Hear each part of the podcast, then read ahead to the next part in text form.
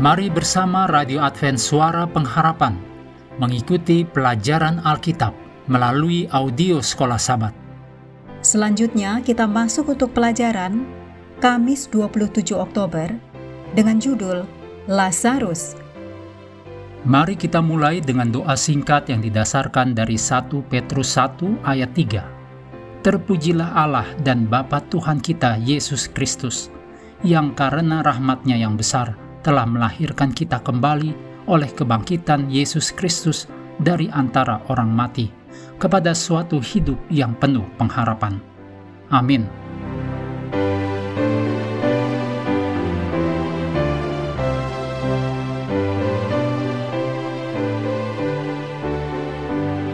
Dalam Yohanes 11 ayat 1 sampai 44, Yesus dimuliakan melalui penyakit dan kematian Lazarus yang secara khusus dicatat dalam Yohanes 11 ayat 4. Di sini juga, Yesus menggunakan metafora untuk tidur dalam berbicara tentang kematian.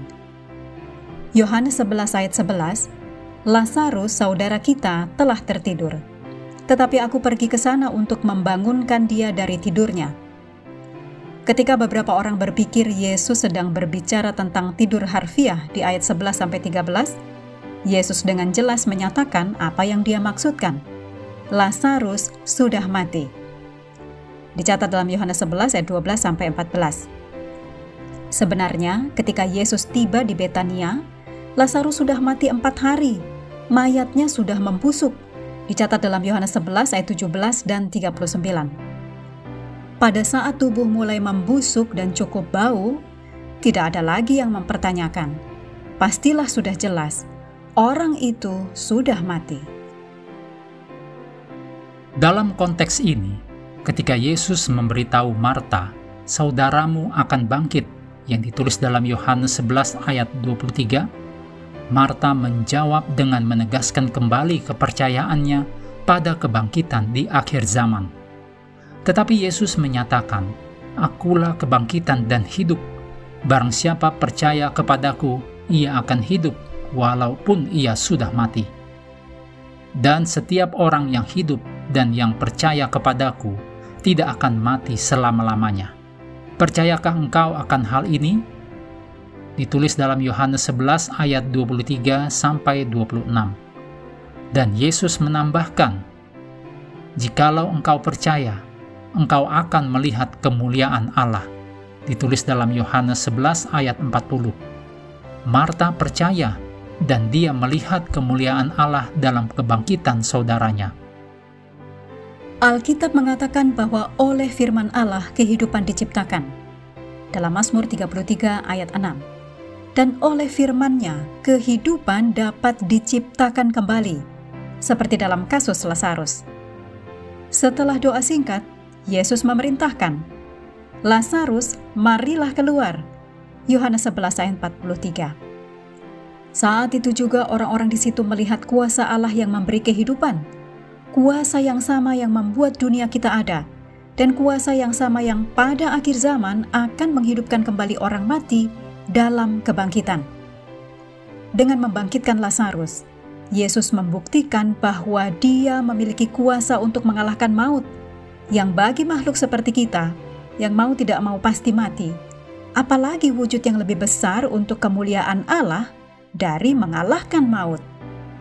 Yohanes 11 ayat 25 dan 26 Jawab Yesus, Akulah kebangkitan dan hidup. Barang siapa percaya kepadaku, ia akan hidup, walaupun ia sudah mati. Dan setiap orang yang hidup dan yang percaya kepadaku tidak akan mati selama-lamanya. Percayakah engkau akan hal ini? Dalam satu garis, Yesus berbicara tentang umat percaya yang akan mati, dan di garis berikutnya, Yesus berbicara tentang umat percaya yang tidak pernah mati. Yesus mengajarkan kepada kita pemahaman bahwa kematian adalah tidur yang tidak sadar. Ini sangat penting dalam memahami firman Kristus. Firman Allah memberi kita begitu banyak harapan. Sebagai makhluk yang karena dosa harus masuk ke liang kubur. Mengakhiri pelajaran hari ini, mari kembali kepada ayat hafalan kita Yohanes 11 ayat 25 dan 26. Jawab Yesus, Akulah kebangkitan dan hidup.